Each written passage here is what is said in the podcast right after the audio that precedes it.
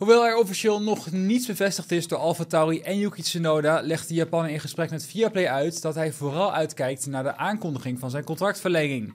Daarmee hint Yuki op de onderhandeling die al afgerond zou zijn en dat hij ook volgend jaar in de AlphaTauri zou zitten. En aankomende zondag is Goedemorgen GP-fans weer terug om 10 uur ochtends en in deze liveshow gaan we nabeschouwen op de Grand Prix van Japan. Ook geven we tijdens deze show twee keer de game F123 weg en jij kan daar nu al kans op maken. Zeg even in de reacties F123 en voor welke console je hem zou willen hebben. En dan doe je nu al mee voor de prijzen. Maar goed, laten we het nu gaan hebben over het nieuws. Nu de Formule 1 naar de eindfase van het kampioenschap toetrekt, wordt er veel gespeculeerd over de stoeltjes van volgend jaar.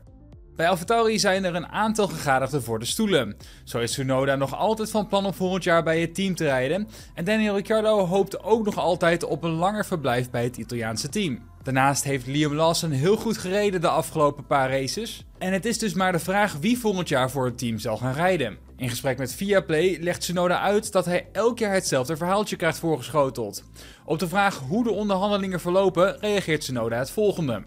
Ja, het is altijd al zo geweest. Het is altijd hetzelfde of je een contract krijgt, ja of nee. Ik begin eraan te wennen.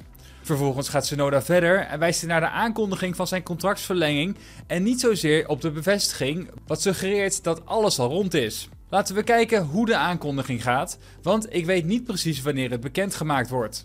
Hopelijk is het deze week, want voor een Japanse coureur denk ik dat de Japanse fans het ook wel willen weten. Al dus Yuki Tsunoda. Het raceweekend in Singapore is er eentje om snel te vergeten voor Max Verstappen. Al onthult Max dat hij er niet wakker van ligt dat het team verslagen is.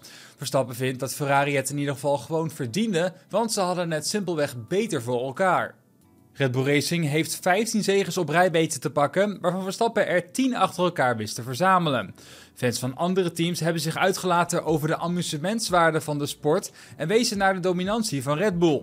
In hun ogen werd de sport saai omdat er telkens één team met de zegens vandoor ging.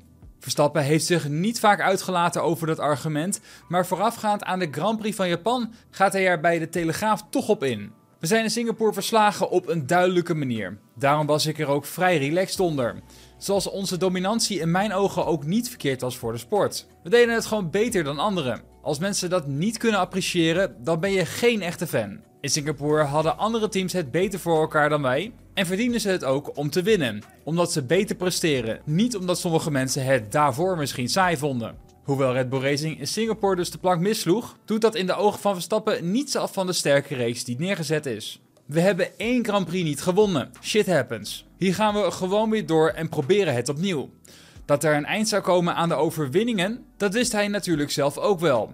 Ik had natuurlijk graag gewonnen in Singapore, maar ik wist dat er een dag zou komen dat ik niet zou gaan winnen of dat er iets verkeerd zou gaan. Al dus Max Verstappen. En Lando Norris is van mening dat Max Verstappen zwaarder bestraft had moeten worden voor de manier waarop hij Yuki Tsunoda blokkeerde tijdens de kwalificatie in Singapore. Volgens de Brit neemt niemand meer de moeite om in zijn spiegels te kijken. Max kwam uiteindelijk goed weg in de vorm van twee officiële waarschuwingen. Eén voor het stilstaan in de pitstraat en één voor het hinderen van Yuki Tsunoda in Q2. Red Bull Racing kreeg daarnaast een boete van 5000 euro voor het tweede incident, omdat Verstappen meer informatie vanuit het team had moeten krijgen over de aanstormende Tsunoda. Op zich een opvallend besluit, omdat er in het verleden regelmatig een gridstraf van 5 plaatsen werd uitgedeeld aan een coureur die een andere coureur hinderde in de kwalificatie.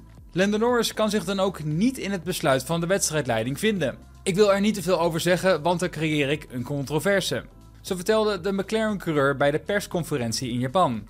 Ik denk dat het blokkeren bestraft had moeten worden. Hij blokkeerde iemand, dat ligt niet alleen bij het team. Ik weet dat het team uiteindelijk een boete kreeg, maar het is ook aan de coureur om in zijn spiegels te kijken om te zien of er iemand achter hem rijdt. Je hebt de hele ronde niets anders te doen dan in je spiegels kijken. Zo doet hij op de outlap of inlap tijdens de kwalificatie. Het lijkt erop dat veel mensen daar moeite mee hebben. Er zouden zwaardere straffen moeten komen voor het blokkeren, want heel veel mensen doen het. Het verpest je ronde, het verpest je kwalificatie. Yuki werd daardoor uitgeschakeld. Al dus Lando Norris. Ja, dit lijkt me een goed moment om even te gaan kijken naar het vroege tijdschema voor de Grand Prix van Japan. De eerste vrije training is alleen voor de echte vroege vogels, want die start morgen 22 september om half 5 in de ochtend. Een paar uur later zal de tweede vrije training van start gaan om 8 uur ochtends. De derde en laatste vrije training start, net als de eerste vrije training, om half vijf ochtends op zaterdag en de kwalificatie zal verreden worden om 8 uur in de ochtend. Op zondag kun je met een ontbijtje en een bak koffie genieten van de race, want die begint om 7 uur ochtends. Ja, dit was hem alweer. Het GP Events nieuws op de donderdagmiddag. Vond je deze video nou tof? Vergeet dan even niet een like achter te laten en abonneer als je altijd op de hoogte wil blijven van het allerlaatste Formule 1 nieuws. Doeg!